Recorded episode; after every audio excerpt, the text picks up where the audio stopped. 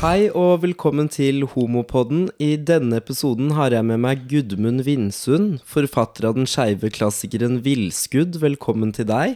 Tusen takk. Du har jo gitt ut flere bøker, Gudmund, men først og fremst så ønsker jeg jo å snakke om boken Villskudd. Hva handler boken Villskudd om? Ja, den handler mest om meg. Men eh, ja, halvveis. Og så har jeg jo ljuger litt ekstra da for å få det litt morsomt og spennende. Men uh, grunnlaget er mitt eget liv. Hvor mye av boken vil du si er sann, og hvor mye av boken er uh, fantasi? Jo, altså halvparten er er egne opplevelser, det er egne erfaringer. Jeg må tenke meg veldig godt om nå for å, for å huske hva som virkelig skjedde i min oppvekst, og, og hva jeg har dikta sjøl. Men det, det, er, det, er ikke, det er ikke noe stort problem. Hvordan oppsto ideen til boken? Uh, ja, da jeg vokste opp, så uh, I min ungdom, da jeg begynte å lese, altså da jeg gikk på skolen på gymnaset, så var det altså nesten ingen litteratur om homofili. Det, og det lille som var, var negativt og, og ekkelt, mye av det. Så jeg hadde, jeg hadde den første virkelig gode boka jeg leste om homofili, det var James Baldwin og en bok som het 'Another Country'. Og så eh, pluss uh, Giovannis rom. Uh, jeg leste den på engelsk, og det, det var jo skjellsettende og store leseopplevelser for meg. Men dessverre er de så triste. altså Særlig Giovannis rom. De dør hele tida. Så der, det, var, eh, det, det, det, var ikke noe oppbyggelig lesning, selv om det altså var til å kjenne seg igjen i. Ja. Men etter hvert så, så jeg, eh, jeg utdannet meg som journalist, og jeg levde jo av å skrive. Og etter hvert så, så skjønte jeg at eh, dette kunne jeg gjøre noe med. Så da jeg altså ble 27, så, så begynte jeg å skrive bildskudd og jobba med den i to omganger. Jeg først skrev én versjon som jeg ville gi ut, og da sa mine medforleggere at eh, jeg måtte skrive den en gang til. Og da ble jeg fryktelig sur, men jeg gjorde det, og da ble den så god som den er nå. Så det var et godt råd. Den kom i 79. Boken tar opp en del eh, temaer som selv i dag er kontroversielle, og i hvert fall var kontroversielle da boken kom ut i 79. Hvilke reaksjoner fikk du på boken din da den kom ut første gang? Overraskende gode reaksjoner. Det var eh, en fantastisk opplevelse. Og det viste seg jo at eh, dette var riktig bok til rett tid fordi altså, samfunnet var modent for å, å, faktisk endre syn på homofili. Jeg hadde jo en, en, en, forfatter som gikk foran meg, og det var Gerd Brantenberg, som, som gjorde en fantastisk jobb med Opp alle jordens homofile og Egalias døtre. Men uh, Vilskudd var jo den første som skrev om, om uh, homofili blant uh, menn. Den, den, virkelig traff markedet også, og solgte veldig den første høsten 79. Det var to veldig negative, sure bokanmeldelser nede i Aftenposten. Denne boken burde aldri vært utgitt, osv. Og, og, og og en av de sørlandsavisene eh, Denne boken burde meldes til politiet. og det var jo så morsomt, så jeg tror vi siterte det også på, på et senere opplag. Fordi den kom jo etter hvert i mange billigutgaver. Boken kom jo som sagt ut første gang i 1979, men som du sier har den kommet ut i flere opplag og har nå solgt over 100 000 eksemplarer. Ja. Hadde du trodd at den skulle bli så populær da du skrev den? Nei. Jeg hadde nok forventninger om at uh, noen, noen, skulle like den, fordi uh, når jeg skriver så, og får det til, så syns jeg jo det er morsomt og, og føler at, at, dette her er viktig. Og det når det slår til, og folk faktisk da liker det jeg gjør og leser det, da er det jo det, Jeg blir veldig glad for det. I boken så møter vi hovedpersonen Yngve Vilde. Hvordan vil du beskrive Yngve? Han er jo en, en, en gutt som er skadet. Han blir skadet i hele oppveksten. Uh, han er ganske undertrykt hjemme som meg, altså dette jeg kan jo si om meg sjøl. Jeg vokste opp i et, et solid og traust uh, arbeiderhjem med, uh, med, en far som var bygningsarbeider og, og en, en rettferdig mann, men han kom altså fra et kristent hjem. Han var ikke særlig Han var ikke utøvende religiøs selv, men han hadde med seg altså hele den gammeltestamentlige uh, byrden uh, og oppdro meg uh, Han slo aldri, men han så på meg hver dag som om han hadde lyst til å slå meg i hjel. Og det var ikke greit å vokse opp der han uttalte Jeg hørte han flere ganger si at uh, sopere burde stilles opp mot muren og skytes. Og dette var før jeg uh, skjønte hva jeg var, men da jeg skjønte det, så traff jo det meg voldsomt. Fordi uh, fordi Konsekvensene av at, at, jeg faktisk da var det, det, det, var mange stygge navn på det. At det var så uønsket og så skittent og så grusomt. Så det Jeg sleit i flere år med å godta meg selv. Altså Det var ikke greit. Hele samfunnet var homohatende den gangen. Selvfølgelig etter, etter århundrer med streng kristendom. Så eh, det var eh, ikke sant, Homoseksualitet var straffbart i Norge. Eh, jeg kom ut da jeg var fylt 17. Og sommeren da jeg var 18, i 68, så, så begynte jeg å, å, vanke i Oslo på utesteder der. Og opplevde at mange av mine venner ble arrestert og taua inn ned til Møllergata politistasjon. Og det, altså, det, var ingen som ble slått og fikk juling, men uh, mange ble jo da sperra inne og satt i celle over natta. De ble registrert og, og sluppet ut igjen om morgenen. Og dette var altså noe som politiet i Oslo holdt på med i år etter år etter år. De hadde holdt på med det i hvert fall etter krigen. Og øh, det, det, forferdelig øh, trakassering, altså, og, og, veldig Ikke bare nedlatende, men altså direkte hatefull holdning til, til øh, homoseksuelle som var de anså på som samfunnets uh, fullstendig uh, helt, helt nederst. Det er jo fælt å se sånn som det er nå, da, når man ser den utviklingen som er i Tyrkia, Polen, Ungarn, Russland og alle disse landene, hvor homofile, lesbiske og transseksuelle mister rettighetene sine og, og opplever det hatet som var her før. Ja, det er jo helt fryktelig. Jeg syns det, det, plager meg veldig.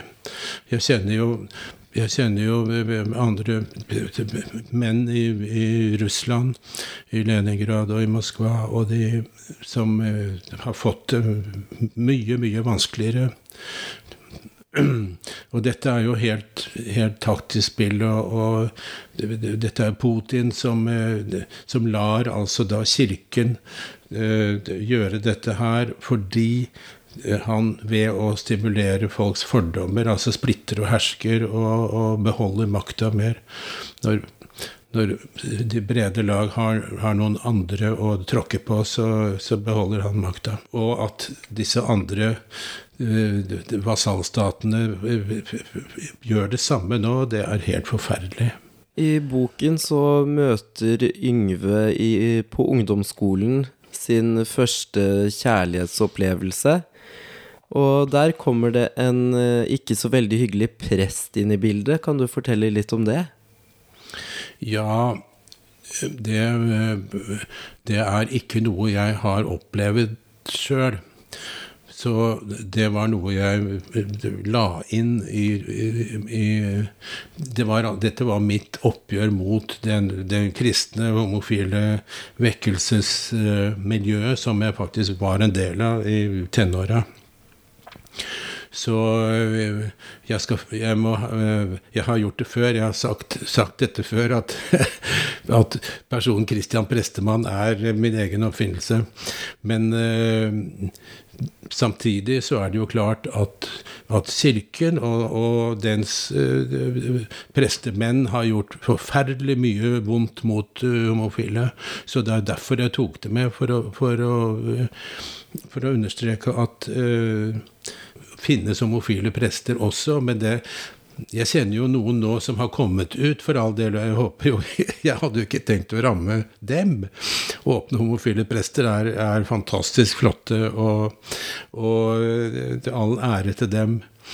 Men uh, men det presteveldet som var altså både før og etter krigen, selvfølgelig var jo Det er vanskelig å forestille seg nå hvor stor makt prestene hadde, som de hadde med seg helt fra dansketida, hvor de altså kunne ødelegge folk og familier fullstendig ved, ved, å, ved å, dømme dem. altså. Jeg synes nå, Da jeg skrev boka, at det var på sin plass å, å, å gi prestene en ørefik. Og hele kirken for øvrig, for det, det er jo ikke bare én prest, det er jo, det er jo hele systemet med, med kristen ungdomsleir og alt dette her. Ja, for i boken så er det jo også en kristen eh, leir. Og du sier jo at du var en del av et kristent miljø da du var ung. Er denne leirhendelsen i boken noe du har opplevd selv? Ja, det er det. Og det er ganske eh, ja, det er, det er ganske historisk riktig gjengitt også. Så det jeg var, Og jeg var med i Kristelig ungdomsklubb, hvor jeg eh, var med og dannet underholdningsgruppe og, og, spilte masse sketsjer og sånn. Og, så den der, den sketsjen som er med, som heter 'Blodet', den har jeg, den har jeg eh, oppført sjøl mange ganger. Til stor glede og, og forbauselse for mange, tror jeg. Men det er lenge siden sist. Men uh, det som er ganske trist, er jo det å se at uh, selv den dag i dag, så er det jo um, homofobe prester ute og går. Det er blant annet en i sosiale medier som kaller seg for Levi Jensen, Jaha. som legger ut videoklipp hvor han sier det at det å være homo er det samme som å ha sex med dyr eller barn, og han sier at homser pusher bæsj og bruker sånne stygge ord. Det er jo ganske skremmende å se at uh, slike um, holdninger får lov å komme frem. Det er ytringsfrihetens paradoks. Vi, vi har ikke lov til å forby det. Men altså, jeg tror ikke han klarer å vinne noen stor skare på denne måten her. Vi har også hatt øh, øh, hva, hva, heter hun Filosof Monsen, som har holdt på i årevis med dette. Uh, hun har nå ja, lenge siden, mange år siden, jeg har hørt noe fra henne. Og hun fikk heller ingen stor følgeskare. Hun fikk Fritt Ord-prisen, og det var jo en skam. Og, men det, det, sa jo mye mer om prisutdelerne enn om henne, egentlig. Men altså, hun eh, har ikke hatt noe gjennomslag med, med, med sin, sin, hatpropaganda. For det er det dette er. Disse menneskene er eh, De elsker å ha noen å hate, og det er det de prøver å få makt gjennom ved å piske opp andre til å, til å, til å sette i gang hatkampanjer. Vi ser det jo i USA i veldig stor grad. Hele den QAnon-opplegget er jo mye av det samme. Det, selvfølgelig må vi være klar over det og, ta dem på alvor, men det er ikke noe det, Jeg tror ikke det er noen stor fare for at de skal få noe stor makt. Og Yngve kom jo for første gang inn til Oslo på homsebar. Og da har han jo sin seksuelle debut også. Uh, disse, eller denne gamle homsebaren, er det en ekte bar som har eksistert? Den het Fallas kro og uh, lå på Majorstua. Den eksisterte, ja da. Uh, litt, litt bortgjemt, forhutlet lokale oppe i annen etasje, hvor det siste jeg gikk forbi, Eller det, det ble Kina-restaurant etter hvert. For det var jo det, Altså, den opphørte allerede på 1980-tallet, den Fadderskro. Men eh, eh, fordi da overtok jo altså først Keiva i Venstres hus, og så eh, Metropol, forbundets restaurant. Det var det første stedet som, eh, hvor det virkelig svingte, hvor altså eh, vi kunne møtes og være eh, Hvor det var helt opplagt at det var bare, bare homser til stede. Veldig morsomt. det er helt ubeskrivelig, egentlig, fordi det, det var en veldig frihetsfølelse å komme dit. Og da jeg kom dit første gang og skjønte at å, her er det ingen som er ute etter meg. Uh, og her, her, kan jeg faktisk ha det hyggelig og være glad og åpen uten å være så redd. Men Yngve ble jo, og flere av de som gikk på denne baren, ble jo utsatt for vold. Var det noe som skjedde på den tiden? Ja, ja. Ja da. Det var, det var, jo mye vanligere enn nå, selv om det skjer jo nå også at homser blir slått ned, dessverre. Men, det, men eh, den gangen der oppe så var det jo ja, eh, altså, gjenger av, av, unge gutter som var på soperjakt og, og, og, kom dit og holdt på, sto og venta utenfor og, og gikk på å slå ned folk. Det skjedde flere ganger. Jeg gikk jo og meldte det da jeg ble slått ned, og det var jo det var bare hån å få på, da, på politivakta. Fordi at uh, Hva gjorde du på det stedet? ikke sant? Du får holde deg unna det stedet. Det, var, det, var, det er farlig for deg å gå der. Så det, var ikke, det, det fikk ikke anmeldt engang. Så det er jo triste greier. Men det, der har jo heldigvis også da eh, holdningene endret seg veldig i politiet. Jeg hadde lyst til å tilføye det om prestene, at dette er jo private sekter. At uh, Den norske kirke er nå uh, absolutt på vår side, og, og ja, det er, jeg, det er, jeg, veldig glad for, og takknemlig for at de har, at de har skjønt såpass.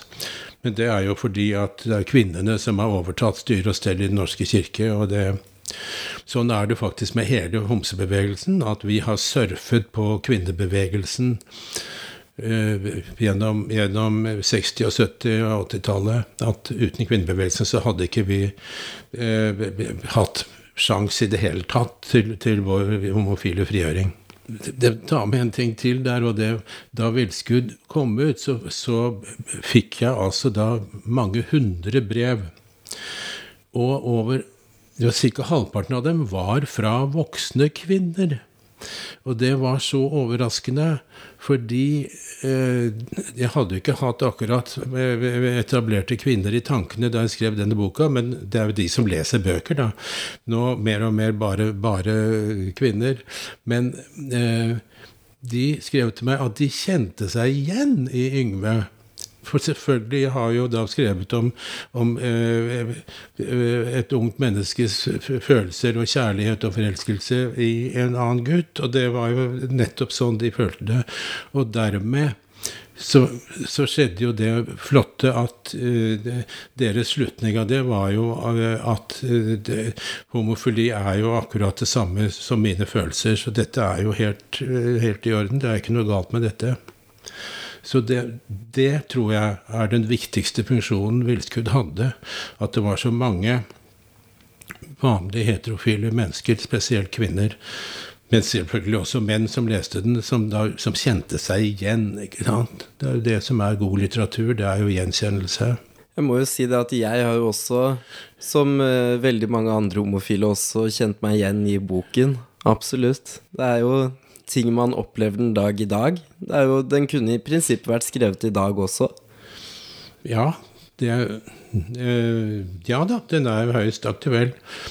Uh, ville, I dag ville jeg selvfølgelig skrevet mer om, om uh, transproblematikken, uh, men det, den gangen så, så så eksisterte nesten ikke det. Det fantes noen få menn som eh, ble kjønnsoperert til å bli kvinner, men ingen som jeg kjente Eh, for det, skjedde i Danmark. Men uh, det vi kalte transer, det var jo gutter som kledde seg ut som, som jenter og, og, og, sto på scenen og mimet til, til fine melodier. det som kalles drag i dag. Ja, nettopp. Ja da.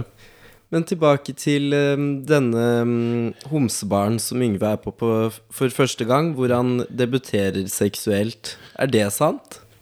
Ja, men ikke debutere fordi at han Jeg hadde vært sammen med en gutt på forhånd som jeg traff på gymnaset. Så vi eh, hadde et forhold han jeg kalte vill, villvin i, i, boka. Men uh, han lever fortsatt, det er sant. Og det var jo en frihet i det også, å kunne faktisk ha uh, Å bli sammen med folk seksuelt. Ha, men altså, jeg jeg oppdaget jo fort at engangsknull var ikke noe særlig for meg, fordi at jeg ville prøve å opprette et fast forhold og ha én å være sammen med, en å være glad i. Og det, sånn er det fortsatt. Så jeg har Ja, ja, i forhold til mange andre så har jeg hatt relativt, relativt få partnere i mitt liv. Men, det, men, eh, da kjenner jeg jo folk som skryter av at de har over 3000, så det at eh, det er ikke, det er ikke min liga. Men jeg føler at det er sånn den dag i dag, for min generasjon, da, så er det sånn at folk vil stort sett, i hvert fall de jeg har møtt på, da, ligge. Det er veldig få som vil noe seriøst. Ja. Det syns jeg er trist. Det kan jo hende jeg har møtt på feil fyrer, da. Det vet jeg ikke. Nei, men det virker jo sånn altså i, i, hele homsemiljøet er Jeg vil ikke si noe stygt om det, men øh, forpliktelser er ikke vår største dyd. Uh, og i et fast forhold å skulle være trofast med, med, en annen gutt, det er jo det er forpliktende, og det uh, Da må man si nei til noe man kanskje kan komme til å få lyst på. Og det, selvfølgelig er det Ja, det er jo en utfordring, og, og det, det, er ikke, det er ikke så mange som greier det nå. Det er ikke det. Men det, sånn har det vært hele tida. Mange eh, som har sagt ja, og som har juksa og, og, holdt på. Det var jo Da, da hiv-viruset kom og epidemien kom, så var jo, så var det jo mange eksempler på gutter som var trofaste hjemme, som ble smittet av sine troløse kjærester. Veldig tragisk. Og de døde jo av det, ikke sant. Så det Da var det alvor. Da ble det veldig alvor. Har du selv opplevd å miste noen nære til aidsen? Ja, jeg har det. det var, og det var mange som døde. Og det det begynte jo i 82 og varte jo da eh, i over ti år sant, før de klarte å, eh, å begrense det i det hele tatt. Men, det, men eh, vi, vi forsto det jo veldig fort, så det var jo Allerede i 82 var det helt klart at vi måtte bruke kondom og beskytte oss. Og det, det var jo nettopp det vi hadde sluppet dittil. Da, ikke sant? Det var jo bare heteroer som måtte de holde på med dong. Det, så det var bittert for veldig mange, og det var mange som droppa det. ikke sant? Og de døde jo av det. Da.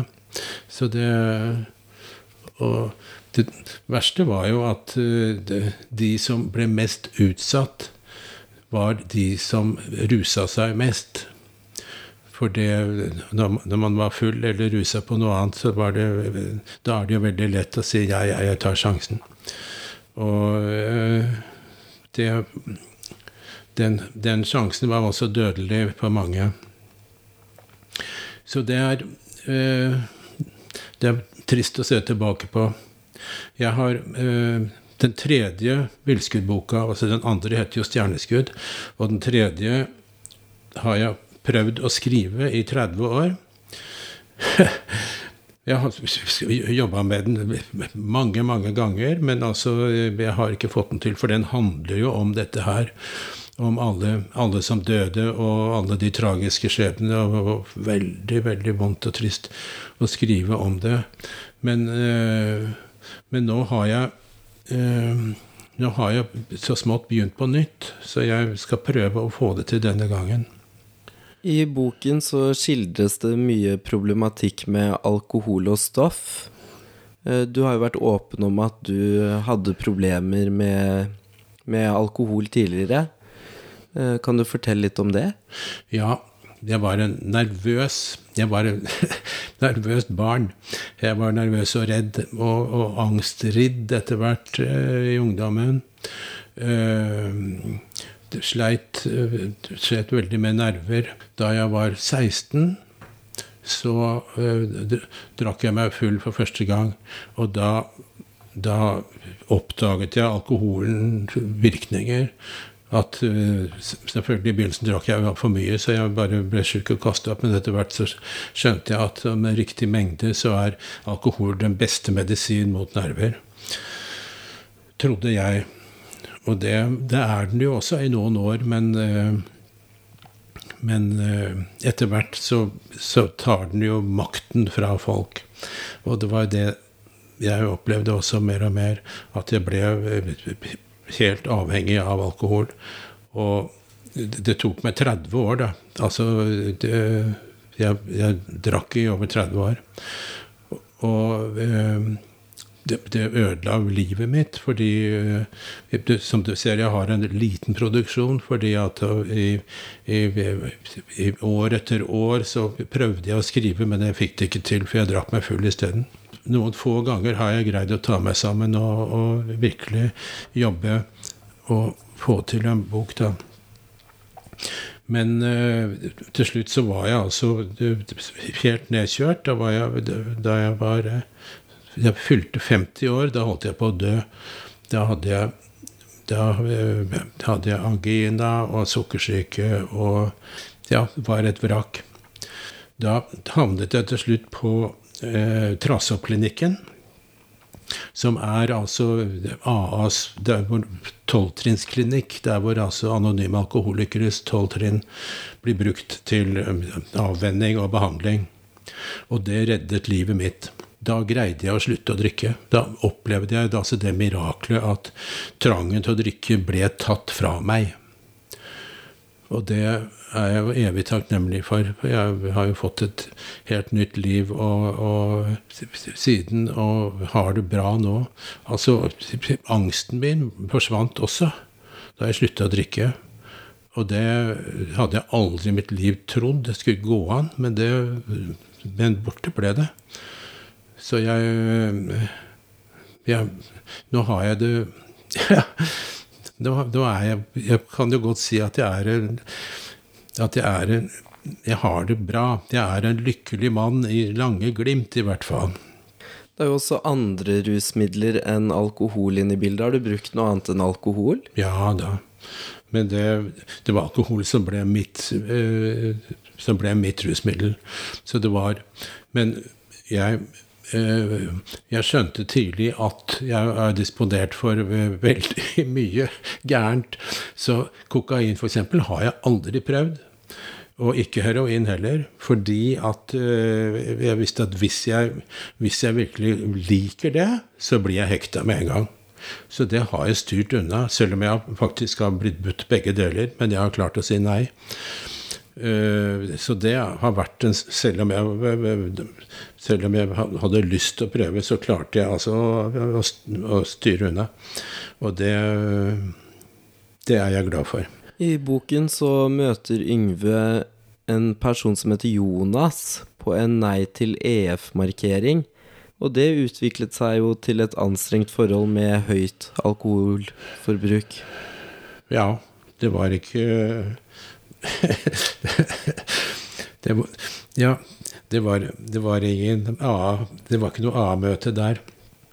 I ettertid så så ser jeg jo at eh, han, han var så alkoholisert at det verste i ham kom fram altfor ofte. Så han altså etter hvert var en dominerende, og han var en hensynsløs egoist. Og mye av min, det han ville ha meg til, var jo faktisk å være en svirebror og, og en disippel som skulle sitte og høre på og like eh, alt det han sa. Ja, han doserte om all verdens saker og ting. og etter hvert ble han full og begynte å synge Deutsche Lieder. Og øh, dette var jeg jo med på altså 100 ganger, men øh, det ble jo veldig kjedelig etter hvert. da. Særlig fordi at det, jeg slapp jo ikke til sjøl heller, særlig for han hørte jo ikke etter hva andre sa. Han var en narsissist, den gode Jonas Løvehjerte.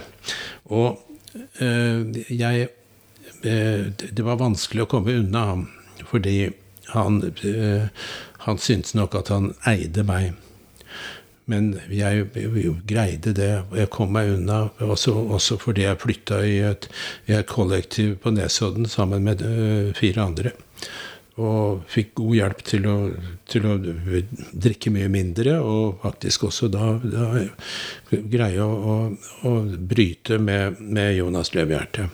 Men etterlig må jeg jo si at selvfølgelig, jeg lærte jo Eller jeg burde jo ha lært mye av det, men da jeg så ham ligge, ligge på gulvet og, og vri seg i, i, i, i, smerte i fylla. Og jeg prøvde å hjelpe han, men altså det var helt umulig. Så tenkte jeg sånn skal i hvert fall aldri jeg bli. Det ble jeg. 20 år etter. Også når jeg kom, når, når jeg kom til det punktet hvor jeg faktisk skjønte at hvis jeg ikke slutter nå, så kommer jeg til å dø. Eh, da ba jeg om hjelp. Det var ikke vanskeligere enn det, og faktisk at jeg måtte gi meg over og be om hjelp. Og godt du har fått hjelpen, sånn at du har det bedre nå, i hvert fall. Ja. Det nå, du vet nå Nå har jeg blitt den personen jeg alltid ønsket å være. Yngve sliter jo mye psykisk, og blir på et tidspunkt innlagt på Liseberg. Er dette basert på en sann historie? Å ja da. Det var Lovisenberg sy eh, sykehus, og den gangen så het det ikke psykiatrisk, det het Avdelingen for nervøse. det sto altså inndelt i arbeidsgrupper. Det var noe som het baker- og frisørgruppa. Så de andre pasientene på sykehuset kunne komme og få stelt håret sitt ja, hos de nervøse. Og så sto det med undertekst 'Hvis de ikke blir fornøyd, får de pengene igjen'. Og det var ikke ment som noen trussel. Det var en trøst da, hvis man fikk klippet av seg håret. Hvordan var det å være innlagt på psykiatrisk? Ja, den gangen var det eh, Jeg trengte det. Så eh, det For meg fungerte dette her veldig bra jeg faktisk, når jeg kom inn der og, og kom til meg sjøl etter, etter to-tre dager, så opplevde jeg også en stor ah, glede fordi jeg følte meg trygg. Fordi, og da skjønte jeg jo at det var jo samfunnet der ute som, som var farlig for meg, som jeg var redd for. Og det, bare det var jo en, en, en viktig innsikt. Og at jeg da måtte slite Jeg, jeg var der altså i to omganger, i, i tre måneder av gangen. Og, og, jeg ville jo ikke ut igjen.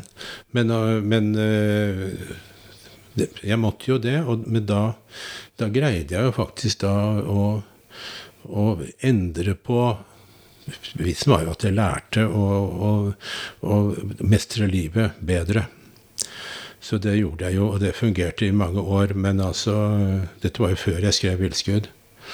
Men da jeg hadde skrevet 'Villskudd', da eh, Da fikk jeg et, et, tilbakeslag. Fordi plutselig så var jeg jo en offentlig person. Men det å, å faktisk stå fram som offentlig homse i Norge i 1979, det var skremmende. Så da begynte jeg å drikke igjen. Eh, Altfor mye. Så du taklet rett og slett ikke det å være i rampelyset? Nei, Det er en eh, det, Jeg hadde en angstnevrose. Altså, jeg var eh, redd for å bli angrepet, ikke sant? Å få å bli slått ned eller drept, ja. Av noen sinte Sinte menn, selvfølgelig. Altså, det var det, det, det faren min og hans, hans forferdelig morderiske blikk som altså skremte meg veldig da jeg var liten. Så det gikk jo igjen. Sinte folk er jo fortsatt redd. Men øh, og, og, for all del, faren min var jo øh, Jeg fortalte jo hjemme da jeg var 18 at, øh, at jeg var homoseksuell, og, og da reagerte han Han ble veldig bleik. Han ble helt grå i ansiktet og bare reiste seg og gikk. Og så så jeg han ikke på, på to år, i hvert fall. For, jeg, da flytta jeg hjemmefra og dro min vei. Og det øh, Men øh, han prøvde vel å venne seg til det, men sant, han leste aldri bøkene mine. Han ville aldri snakke alvor med meg i det hele tatt. Og når han ble full, så sa han 'Du får slutte med dette tullet nå'. Det var omkvedet, og det var det siste han sa til meg da han lå og skulle dø. Du får slutte med dette tullet nå. Men altså, han mente det ikke vondt. Det er det verste av alt. Han, jeg tror at han mente det godt. At, at det var best for meg sjøl å, bli et normalt menneske og gifte meg og, og få barn og, og sånn. Det var det som var meningen. Dersom Yngve hadde vært en ekte person og hadde levd i dag, så hadde han jo vært en eldre herre nå. Hva tror du Yngve ville gjort akkurat nå da? Oi, det har jeg ikke tenkt på. Han, jo selvfølgelig, han, han ville være aktiv i, i, i, FRI.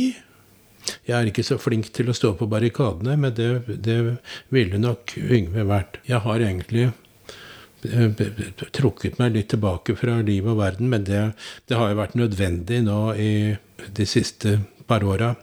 Jeg, eh, jeg, har jo lyst til å engasjere meg mer, jeg har det faktisk. Så det Jeg kommer nok tilbake. Jeg håper jo å få utgitt en, en, ny roman som jeg har skrevet, men det foreløpig er det ingen forlag som vil ha den. Hva handler den boken om? Den handler om, eh, om eh, gutteprostitusjon og, og, skal vi si, pedofili på, på så tidlig som på 60-tallet. Jeg har lagt det dit fordi det var jo like aktuelt da som nå, bare at det var helt skjult. Den heter 'Lystseilas mot finere strøk'. Den skal komme ut snart. Det blir spennende å lese. Men du var i flere år eh, kjæreste med den kjente forfatteren Jens Bjørneboe. Kan du fortelle om forholdet deres? Nei, det har jeg ikke lyst til. Det, men det var, det var, Jeg har sagt litt, for det var han som var modell for Jonas Løvehjerte, som jeg snakka om i stad. Som altså var øh, eh, en fullblods alkoholiker og hensynsløs egoist. Og eh, det, det, gikk jo veldig ille med, med Jens Bjørneboe. Han døde jo for egen hånd i 19... Skal vi se 76 døde han. Det kan jeg jo godt ta med å si. Jeg har Jeg fikk mange brev fra ham. Kjærlighetsbrev i begynnelsen. og og etter hvert ble det veldig kritiske brev, og til slutt nesten hatbrev, da jeg hadde slått opp med ham. Og eh, jeg har samlet dem i en bok sammen med, med eh, mine kommentarer, og skrevet en hel bok om vårt forhold. Den heter Din Jens. Det var sånn han, han eh, signerte sine brev. Men jeg får ikke lov til å gi den ut fordi at hans døtre nekter meg å offentliggjøre brevene fra, som han har skrevet. Det har de lov til, fordi det, når det blir offentliggjort, så er det hans åndsverk som de eier retten til. De har veldig svak begrunnelse for å for å nekte det, men altså de har rett til å nekte det. det men i virkeligheten så er det jo sånn at de, de misbruker sin eh, opphavsrett til å sensurere en nålevende forfatter, og det er ikke pent gjort. Så det er et anstrengt forhold mellom deg og Bjørneboe-familien i dag? Nei, jeg kan ikke si det, fordi at uh, jeg, har, uh, jeg har avfunnet meg med dette her. Uh, interesserte, altså Nasjonalbiblioteket har, har, kjøpt brevene, så de er tilgjengelige der hvis noen har lyst til å lese dem. Det er bare, det er bare å henvende seg der og bestille time. Det, det, finnes Det er et element til i dette, og det er altså at at hans åndsverk blir frigitt. Jeg tror det er 70 eh, år etter, forfatterens død. Så når jeg altså blir 96 år, da kan jeg gi ut den boka. Så det er noe å leve for. Ikke bare, da. Det har et del annet å leve for også. Du var jo 23 år, og Bjørneboe var 52 år da dere ble sammen. Ja. Hvordan fungerte det, og var det noen rundt dere som reagerte på forholdet deres? Nei, ikke Det var jo ikke noe veldig offentlig forhold. Han eh, Vi møttes jo det, Vi var nok ute noen ganger, men ikke mye på, på restaurant og sånn. Men det var ikke sånn at Men altså, det var jo Jeg traff jo noen av hans venner. Og det var hyggelig. Alltid hyggelig.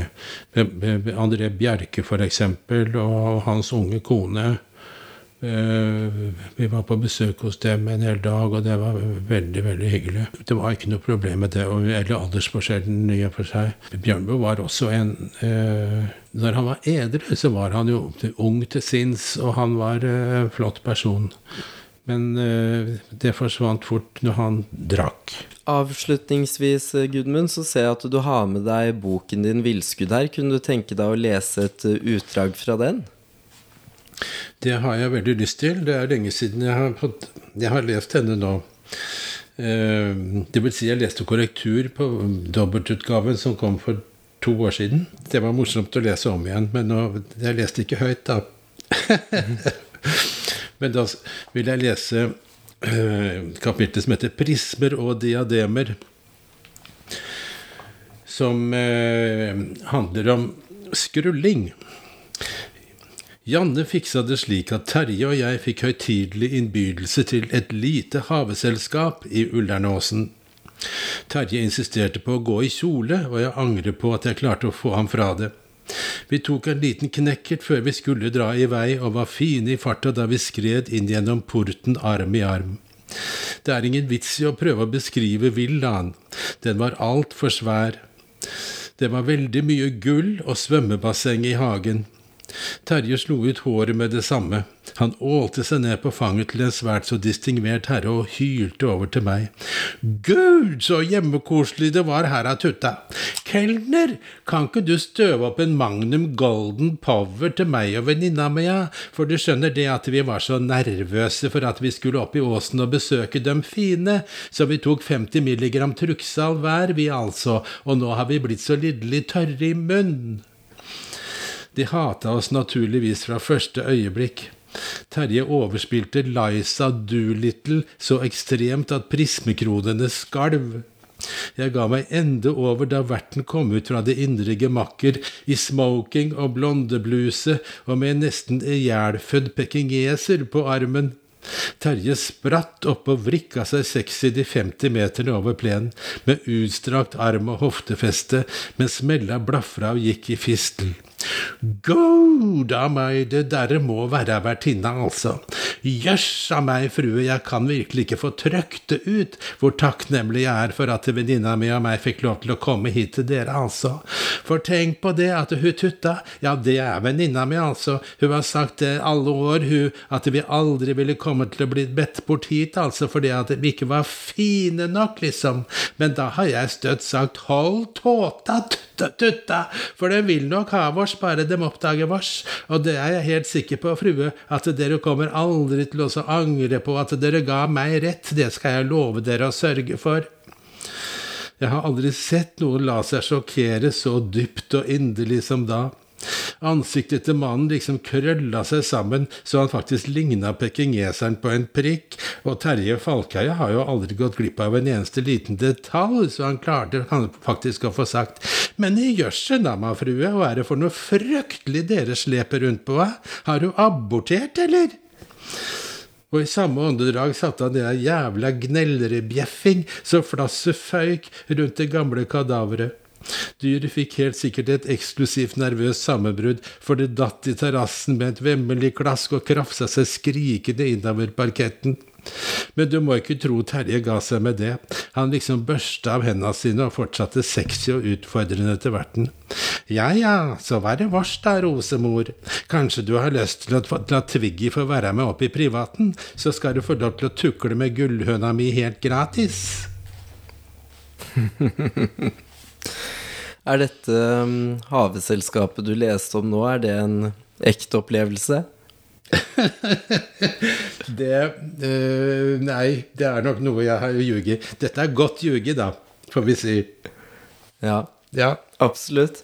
Og boken din er det jo fortsatt mulig å få kjøpt i bokhandlene. Jeg kjøpte den jo senest nå um, for noen måneder tilbake. Og det er jo den dobbeltutgaven hvor du får både villskudd og stjerneskudd. ja. Den forrige dobbeltutgaven var full av små trykkfeil fordi at den var altså skannet, og så var det ikke det korrektur på den. Så jeg har gjort det ordentlig nå. Så det, dette, er en, dette er en fin utgave. Absolutt. Jeg er i hvert fall veldig fornøyd med den og vil anbefale folk å kjøpe den. Tusen hjertelig takk for at du kom i, som gjest i Homopodden, Gudmund. Takk for at jeg fikk komme. Dette, Så- var, dette var hyggelig. Absolutt. Så må jeg ønske deg en riktig god pride. Takk i like måte. Vi får vi, det, er det, ja, Jeg skal stille opp og gå i tog hvis det er lovlig. Absolutt. Ja. Det um, Få lage et lite eget tog med to. Kan vi fyke gjennom gatene her og rope på barrikadene? Det kan med to meters mellomrom. Ja, absolutt. Homopodden er tilbake om en uke. Frem til da, happy pride.